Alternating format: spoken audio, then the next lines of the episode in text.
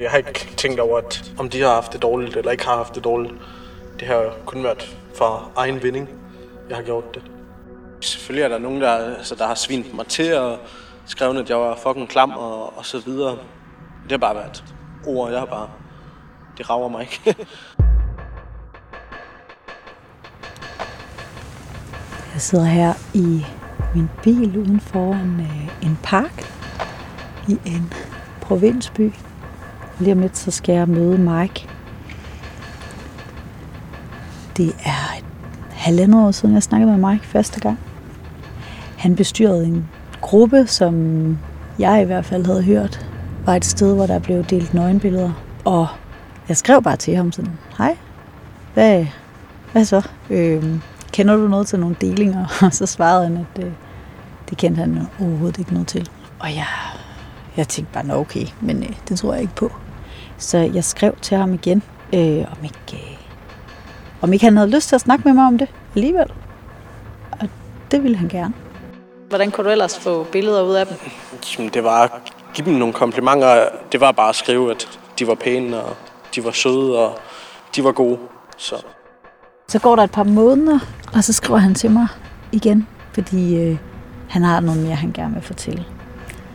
Der skriver han så til mig, at det faktisk ikke bare har været noget fløjt med nogle piger. Det har været decideret afpresning. Han har simpelthen øh, presset og truet op mod 200-300 piger til at sende nøgenfotos til sig. Og det viser sig, at der er ret meget mere på spil for Mike, end jeg lige først troede. Det du hører nu er 6. afsnit i podcastserien Min teenager deler der ikke nøgenbilleder. Om billeddelingens dynamik, kønsnormer og online ungdomskultur. Mit navn er Mila Mølgaard, og jeg har som journalist og forfatter skrevet om digitale krænkelser i en årrække. I de tidligere afsnit har jeg været hjemme på pige- og drengeværelserne og fået indblik i, hvad der får helt almindelige unge til at dele sig selv og andre. Og jeg har talt med nogle af dem, der har oplevet at blive afpresset online og få deres nøgenbilleder spredt på nettet uden samtykke. Nu er jeg taget ud for at møde en af dem, der har krænket piger digitalt.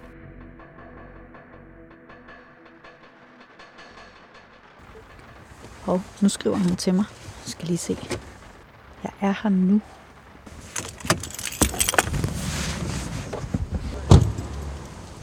Jeg prøver lige at gå lidt ind i parken her, for at se, om jeg kan finde ham. Hej Mike. hej.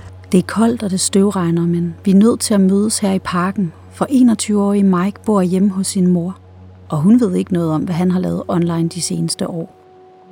Det er der faktisk ikke ret mange, der gør. Udover et par af Mikes online-venner, der har fulgt med i hans erobringer, der stod på fra han var 14 til han var 17 år gammel.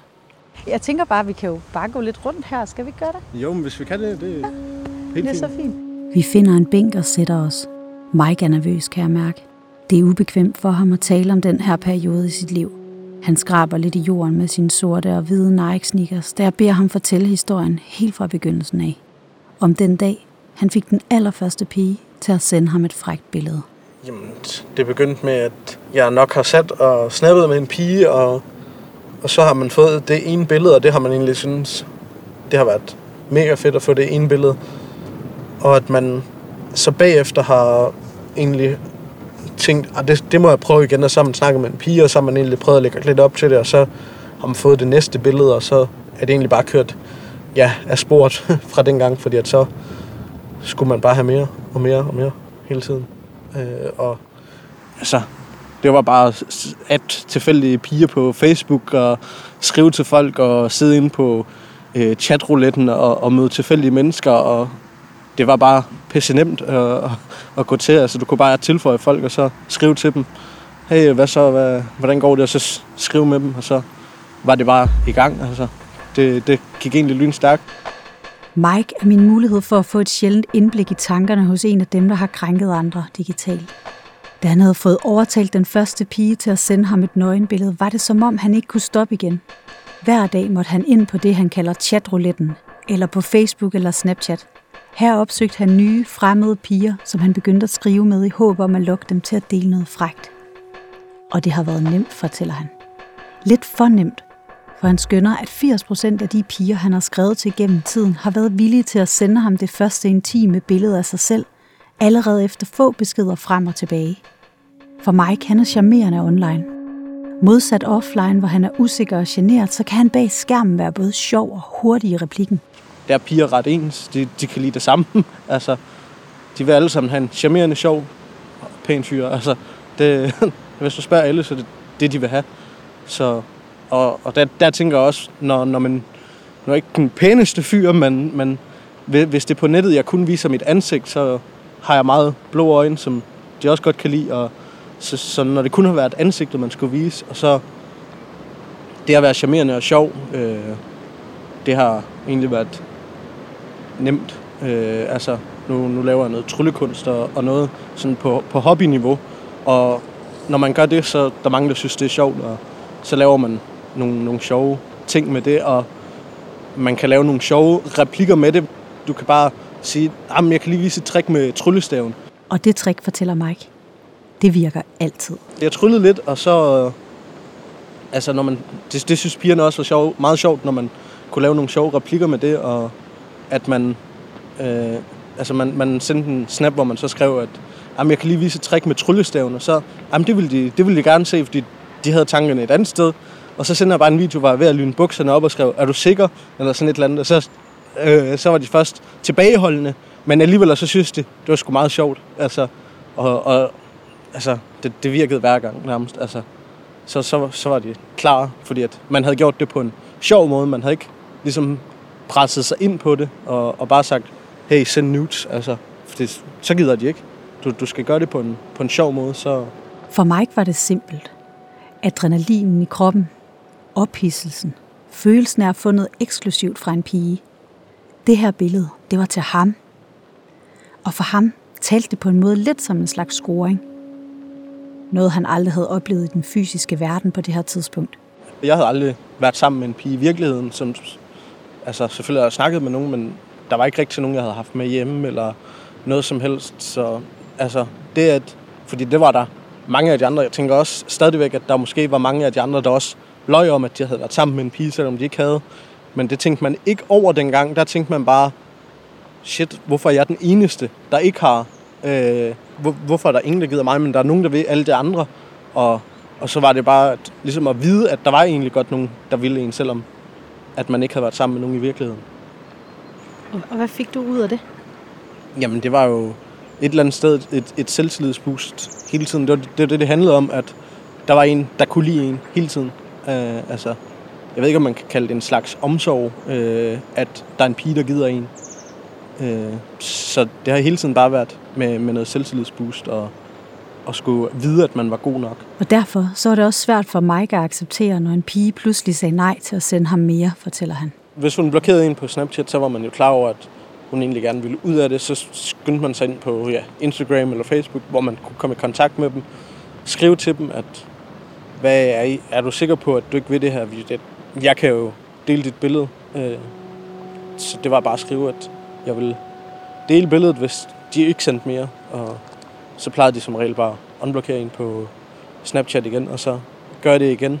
Og jeg, jeg, jeg, jeg skrev som sådan også til dem, at jeg, jeg ville slette billederne, hvis de bare gjorde det en gang mere. Selvom det havde jeg ikke tænkt mig, men det skrev jeg, så, så de prøvede egentlig, fordi at det var egentlig deres sidste håb, eller man kan sige deres sidste udvej på det. Det var at prøve, prøve igen. Øh, så ikke fordi de stolede på, at jeg ville gøre det, det tror jeg som sådan ikke de gjorde, men altså, jeg havde allerede nogle billeder af dem. Det kunne ikke blive værre, end det var for dem. Så jeg tror egentlig bare, at de tænkte, det er den eneste mulighed, jeg har for at prøve. Det kan godt være, at han ikke gør det, men jeg bliver nødt til at prøve. Jeg spørger Mike, om han også synes, det var frækt, når pigerne ikke ville. Nej, siger han. Slet ikke. Han kunne godt lide at have magten, og det var ham, der kunne bestemme over dem. Men tankerne om, hvad pigerne følte, når han gjorde dem for træde med sine trusler, de fyldte minimalt i hans hoved. Jeg ved ikke, om jeg har, har tænkt så meget over dem, fordi at jeg har måske bare prøvet at, at glemme alt det i, i, i mit hoved omkring, at de ikke har ville. Og det, det har jeg ikke tænkt synderligt meget over, øh, for at sige overhovedet ikke tænkt over på, på den måde, at, at jeg har... Jeg ved ikke, om jeg har haft det dårligt over, at jeg har gjort det, fordi det har jeg som sådan ikke. Altså, øh, nogle gange har, har det strejfet mig sådan, at ah, det var måske heller ikke helt godt, men så har det været det, fordi at jeg ikke ville bruge min tid på, på at tænke over det, øh, og bruge det som negativ energi. Øh, selvfølgelig er der nogen, der, altså, der har svint mig til, og skrevet, at jeg var fucking klam, og, og så videre. Og, og det er sådan set det. Det har bare været ord, jeg har bare... Øh, det, er bare, det er jo ikke en, jeg kender, der, der skriver det eller noget, så det har heller ikke påvirket mig på nogen måde, at der er nogen, der har skrevet noget til mig, fordi det gør folk på nettet. Altså, det rager mig ikke.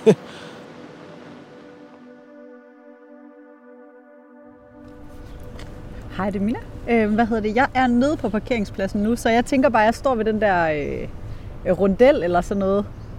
Ja. Det er helt i orden. Det er godt. Hej, hej.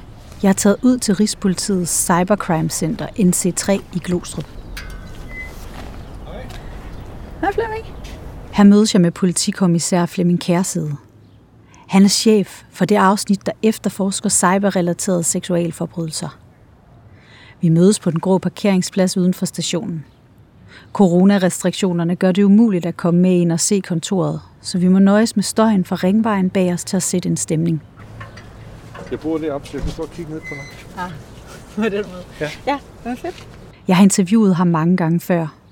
Stillet ham kritiske spørgsmål til, hvorfor så mange ofre for digitale krænkelser, som afpresning og ulovlig billeddeling på nettet, føler sig svigtet af ordensmagten, når deres gerningsmænd går fri, og de selv må stå med oprydningsarbejdet online. I dag taler vi om Mike, der har afpresset piger. Om dem, der deler billeder, eller ligefrem sælger og bytter dem online. Hvorfor er det så svært at finde dem og få dem retsforfulgt? Hvorfor kan politiet ikke én gang for alle få ryddet op de steder på nettet, hvor ulovlighederne foregår? Flemming Kærside sukker ved tanken. Ja, hvordan skal jeg sige det? Jamen, altså, fordi der er så mange forskellige platforme på nettet. Ikke? Har én ting ligget ude på nettet én gang, jamen, så kan alle gå ud og tage en kopi af det, mens det ligger derude. Og så kan politiet være så heldige, nu kan vi få det fjernet.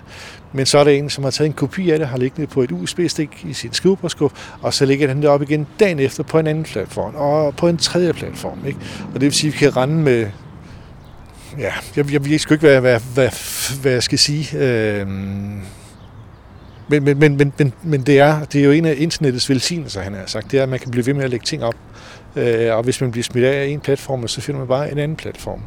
Og 99 procent af de platforme, vi har med at gøre her, jamen, altså, de ligger altså syd for, for landets grænser. Ikke? Så, så, så det er jo internationalt den måde, vi skal arbejde på, og det tager så også lidt, lidt lidt ekspeditionstid.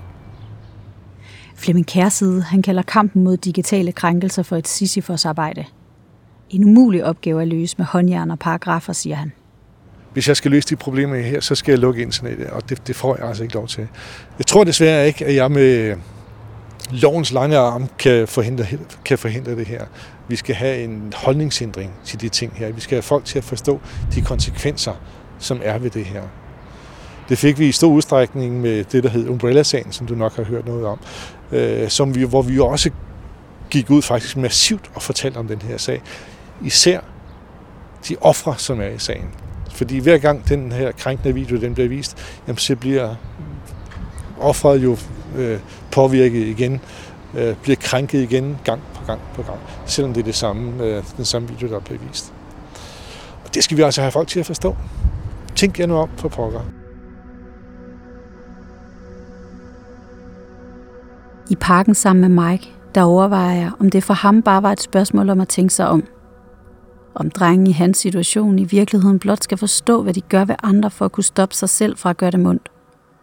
Desværre er det nok ikke helt så simpelt. Jeg spørger Mike, hvad han var for en fyr, dengang han troede sig til allerflest billeder. En af de ikke seje, siger han selv. En af dem, der sad lidt alene i klassen, når fodboldfyrene snakkede med pigerne i frikvartererne. En af dem, der passerede flokken af jævnaldrende, når han gik direkte hjem efter skole for at indleve sig i computerspil som League of Legends og Counter-Strikes virtuelle universer. Jamen, jeg stod op klokken syv, så spiste jeg morgenmad. Øh, min mor vækkede mig hver dag, lavede morgenmad til mig. Jeg spiste det, så cyklede jeg i skole, omkring to kilometer til skole, og så var jeg i skole, sad egentlig i skolen, sad bare, lavede ingenting. Øh, og så var der frikvarter, øh, så var man sammen med de ikke seje drenge, så og snakkede med dem, og, og så kom jeg egentlig bare hjem, startede min computer, så sad jeg der øh, og sad og spillede, mens jeg sad og, og skrev på Snapchat med ja, 10 forskellige piger på en gang. Øh, og sad og spillede, og så sad jeg og spillede indtil jeg skulle spise. Så gik jeg ned og spiste, og så op foran computeren igen. Øh, og sidde og spille og, og skrive med, med piger. Øh, og så i seng omkring klokken ja, halv 11 har jeg nok gået i seng en gang, eller sådan noget, hvor jeg har lagt mig over i min seng, og så har jeg egentlig bare lagt og skrevet med piger og, og snappet frægt imens. Øh, indtil ja, i en time eller sådan noget. Klokken har været halv tolv, og så gået i seng og stået op næste dag, og det er bare kørt repeat hver eneste dag. Boostet fra pigernes nøgenbilleder kunne dog ikke måle sig med det boost, drengenes anerkendelse gav. For når man er uden for fællesskabet i klassen, og når dagene går med computerspil derhjemme i stedet for social kontakt med skolekammeraterne, så er det fedt at kunne bringe sig selv op i hierarkiet for en stund. Det er Mike helt bevidst om. Øh, jeg husker særligt en gang, hvor jeg stod og snakkede med en af de populære drenge, og, og han viste mig sådan noget, så sagde han, åh ja, jamen, det er jo ikke, egentlig ikke så meget, at du har to forskellige piger, fordi jeg havde måske 200 forskellige dengang. Øh, så, så, og så viste jeg ham som en dropbox, og rullede egentlig igennem og, og viste ham. Øh, og så råbte han jo til alle drengene i klassen, at de skulle komme over og se det, og så stod alle drengene pludselig, og vi stod og kiggede på det her, og de alle sammen synes det var pisse fedt. Øh, og så, så, så der var det virkelig et, et selvtillidsboost, da det egentlig var, var drengene, der synes at man egentlig var, var god nok og, og fed nok. Så, så specielt dengang husker jeg, at det gav et selvtillidsboost. At det egentlig var dem, der synes det var fedt, og ikke at der var en pige, der egentlig gad en. Det var næsten federe, at, at drengene synes, at man var sej nok. Men hvad var det med de billeder? Hvorfor var det sejt og frækt at have dem, når nettet vrimler med smukke kvinder, der selv har lyst til at være pornomodeller? De andre piger er uopnåelige, og det her det er faktisk nogle piger, du rent faktisk kunne øh, mødes med i virkeligheden og, og have sex med reelt.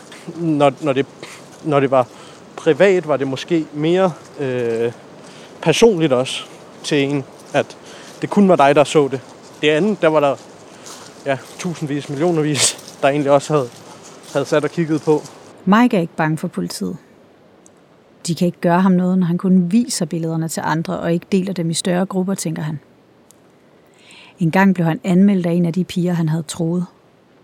Det skrev hun til ham i en besked, hvor hun beviste med en anmeldelseskvittering. Politiet hørte han aldrig fra. De, for mig har de ikke gjort noget. Øh, og for pigerne tænker jeg heller ikke, de har gjort noget, for jeg ved, at hun har anmeldt det. Øh, og jeg har ikke hørt fra det overhovedet. Jeg har ikke engang fået et brev i min e-boks, eller de har ringt mig op, eller noget som helst. Jeg har ikke hørt noget som helst fra det. Så, så jeg tænker ikke, at de har gjort det helt store, fordi at... Har du, og har du været bange for dem? Jamen, ja, som sagt, i de, i de to dage, øh, hvor, hvor det var, at jeg får at vide, at hun egentlig har anmeldt det, får vist det billede, at hun har anmeldt det. Det gik jeg i de to dage efter og tænkte, ah, nu ringer de snart. Og, og jeg havde også, hvis der var nogen, der ringte på min telefon der, så havde jeg også, ah, hvem fanden er det, der ringer nu? Det er et nummer, jeg ikke kender. Og, og var sådan egentlig lidt nervøs for at tage min telefon. Fordi jeg så tænkte, ej, nu skal jeg stå til regning for, for hvad fanden jeg egentlig har gjort. Øh, men, men efter det, så har jeg ikke tænkt så meget over det, fordi jeg tænkte, nå, det gider jeg alligevel ikke at gøre, gøre noget ved det overhovedet. Øh. Jamen altså, jeg har følt mig smartere end politiet, fordi at, men jeg ved ikke, om det er, fordi at jeg er smartere, fordi jeg tænker, de kan måske mere på computeren, end jeg kan. Men de har nogle lov og regler, de skal, skal overholde, og det har jeg reelt også, men jeg kan godt lade være, øh, uden de egentlig kan gøre noget ved det. På parkeringspladsen i Glostrup har politikommissær Flemming Kærside svært ved at skjule sin irritation, da jeg spørger ham, om det er sandt, at krænkere som Mike kan slappe helt af. Det ved jeg ikke. Altså, vi får jo taget nogen til stadighed. Det er der ingen tvivl om. Men, men det der med at sige, at han ikke er bange for politiet, det er vel ikke det, det handler om. Øh, han siger samtidig siger, at han er drønhavnen ligeglad med de piger, det går ud over. Jeg synes, det er dem, han skal tænke på. Jeg synes, det er det, han skal lægge sin fokus på. Han skal ikke lægge sin fokus på, om han kan holde sig under politiets radar. Kan vi ikke appellere en lille smule til hans samvittighed i stedet for? Samvittighed. Det ord vender Flemming Kærside tilbage til en del gange i vores samtale. For ham at se er forebyggelsen det mest centrale element i at stoppe digitale krænkelser fremover. I hans kontor løber medarbejderne mega stærkt, siger han. Og selvom digitale krænkelser bliver taget mere alvorligt end nogensinde, så er der ting, der ligger længere op på dagsordenen, forklarer han. Vi har faktisk rigtig mange opgaver, som vi laver. Vi laver ikke kun digitale sexkrænkelser øh, af voksne. Det gør vi også, øh, men det er kun en del af det. Jeg har 10 mand, som sidder og laver forensic arbejde. Det vil sige, de undersøger computer, som er beslaglagt i en eller anden sag. Mange af dem, det er sager med seksuel misbrug af børn. Dem har vi desværre rigtig, rigtig mange af.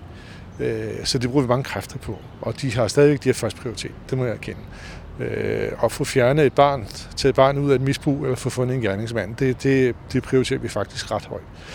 Jeg har arbejdet med digitale krænkelser i snart syv år. Jeg har oplevet mennesker falde fra hinanden, når de bliver udsat for afpresning eller får deres mest private billeder og videoer delt uden samtykke.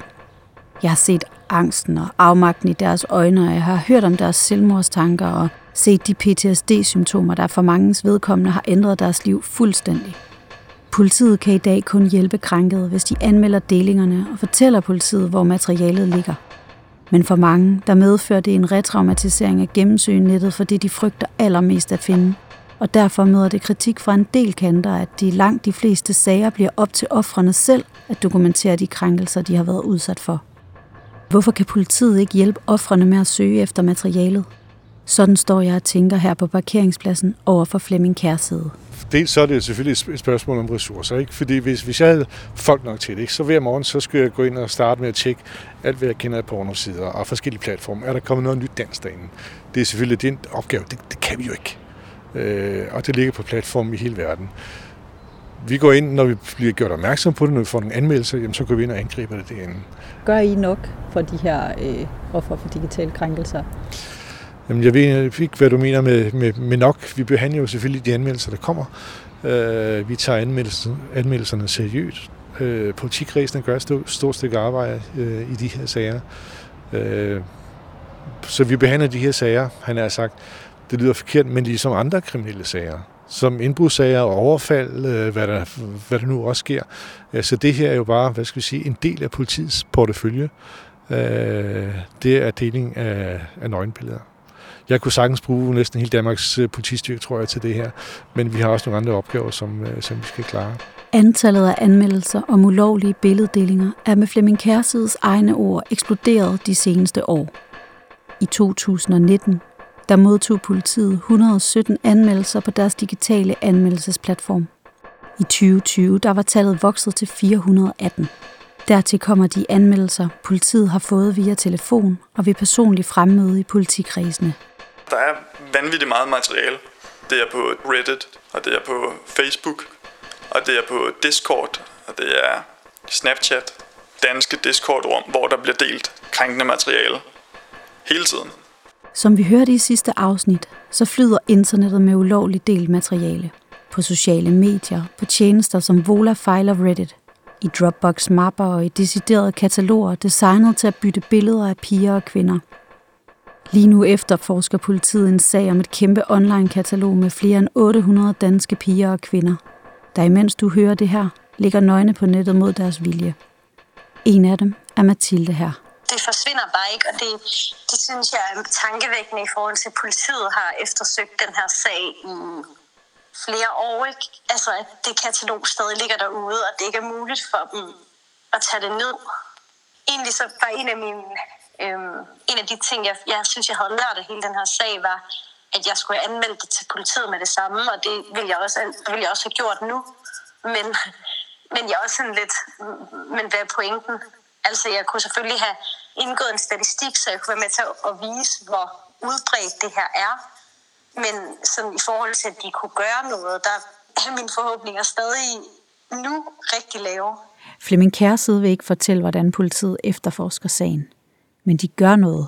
Det lover han. Det er jo død, og det er jo død frustrerende også, det her, ikke?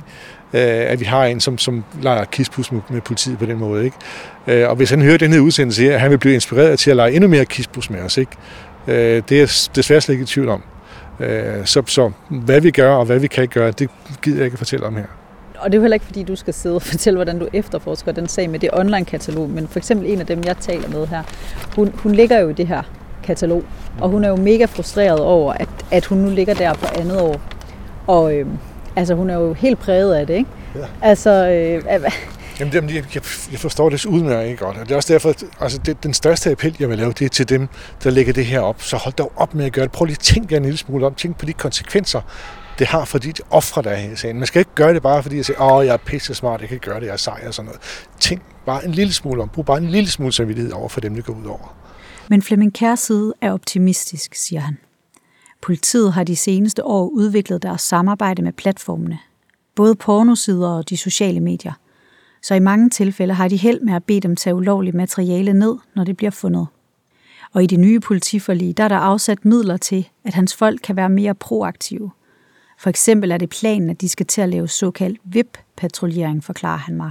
Så skal vi til at finde ud af, hvordan vi så skal bevæge os rundt derude. Ikke? Skal vi bevæge os rundt i, hvad skal vi sige, i uniform og sige, her er politiet. Øh, skal vi gå ind og blande os i en diskussion med nogle knægte nede på gymnasiet, som har en eller anden øh, gruppe taler om, hvad er der nogen, der har billeder af Amalie, som vi bytte med? Skal vi så gå ind som politi og sige, hey, hey dreng, øh, det er altså noget skidt, I er gang i her. Eller skal vi gå ind og blive et medlem af gruppen, så vi kan følge, følge med i, hvad er det, de laver?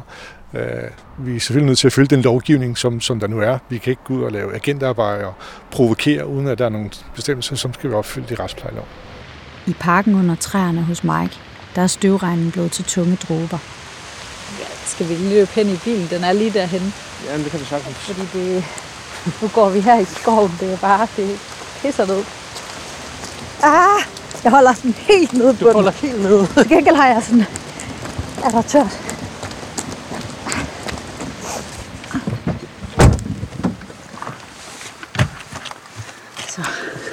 Var meget bedre.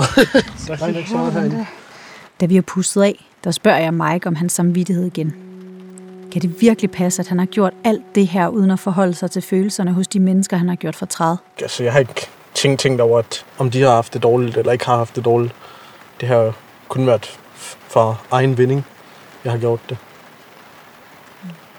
Og hvad, hvad tænker du om det i dag? Så, så tænker jeg, at jeg er en kæmpe idiot, og, og det er sådan set det. Øh, tænker ikke så meget over, over det, i princippet. Øh, så det er bare, at ja, det, det var fandme dumt. Jeg spørger Mike, hvad han ser som løsningen her. Hvordan får vi stoppet drengen som ham? Hans råd går ud til pigerne. Lad være med at dele dig selv med fyre, du ikke kender, siger han. Jeg spørger ham, om ikke den allerbedste løsning i stedet er at få drengen som ham til at stoppe med at gøre skade på andre. Det er jo ham, og ikke pigerne, der har gjort noget ulovligt. Du, kan- du kan argumentere for, at, at drengene skulle også bare lade være at, at sende, øh, eller spørge om det. Øh, men det kan du bare ikke. Altså, fordi du vil aldrig kunne få drengene til at skulle, skulle stoppe med det på nogen måde. Hvorfor, hvorfor ikke det? Jamen, fordi der vil, der vil jo altid sidde en eller anden idiot. Altså, at slå nogen ihjel, det er også ulovligt, men det sker stadigvæk. Det, altså, du, du, du vil aldrig kunne få folk til at lade være med at gøre noget. Det er lige meget, hvad, hvad straf du egentlig sætter for det. Så vil du ikke kunne få det til at stoppe. Og hvad vil du sige til de drenge? Fordi jeg tænker lidt, at nu, nu, nu, nu er du opgivende, du siger, at det, det, det kan man aldrig få dem til at stoppe, men, men vil du sige noget til dem på 17?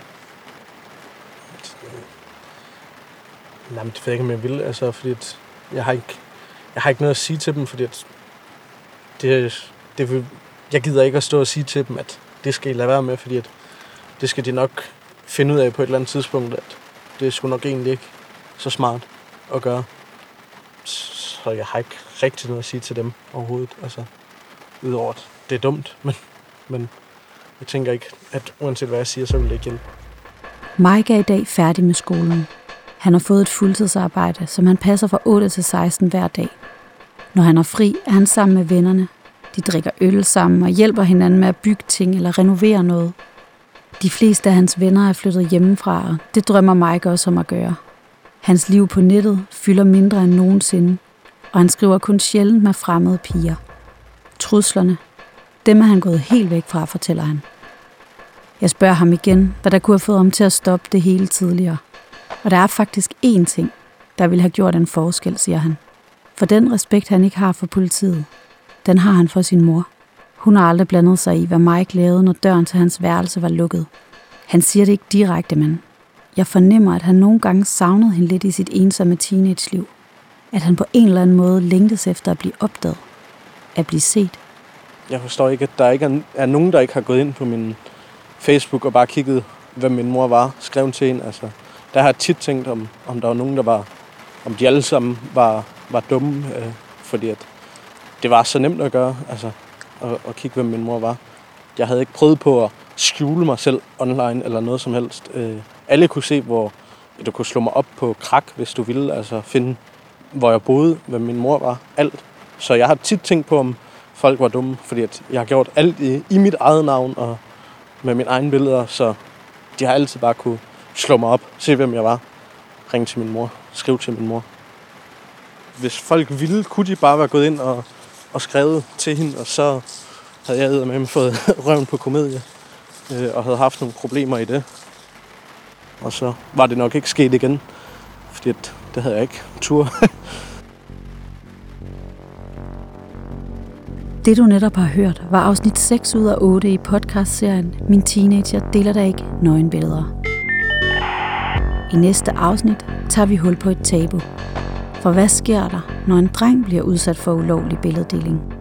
Den første følelse, jeg får, er i virkeligheden, at jeg bare panikker rigtig, rigtig meget. Som hvis man kører på cykel, og der, man er lige ved at vælte. Øh, det er bare en meget, meget, meget tung følelse, der gør, at jeg glemmer alle tanker, jeg har i hovedet. Fordi det bare var så reaktionen. Jeg kunne bare mærke min reaktion så meget i kroppen. Det taler jeg med en ung mand, der hedder Ahmed om. Og jeg finder ud af, at det faktisk er helt vildt svært for mange drenge at påtage sig rollen som offer for digitale krænkelser. Podcasten her er blevet til med støtte fra Offerfonden. Den er udgivet i samarbejde med Heartbeats, og den er optaget og tilrettelagt af mig, Milla Mølgaard. Kim G. Hansen har klippet og produceret, og Mikkel Clausen har været med som manuskriptkonsulent. Vi har brugt nyhedsklip fra DR og TV2. Hvis du eller en du kender har været udsat for en digital krænkelse, er der hjælp at hente. På hjemmesiden min teenager deler der ikke.dk har jeg samlet en liste med gode råd og links til rådgivninger og organisationer, du kan kontakte, hvis skaden sker. Hvis du vil vide alt om lovgivningen, kan du finde den i bogen af samme navn som podcasten her. Den hedder Min teenager deler der ikke nøgenbilleder.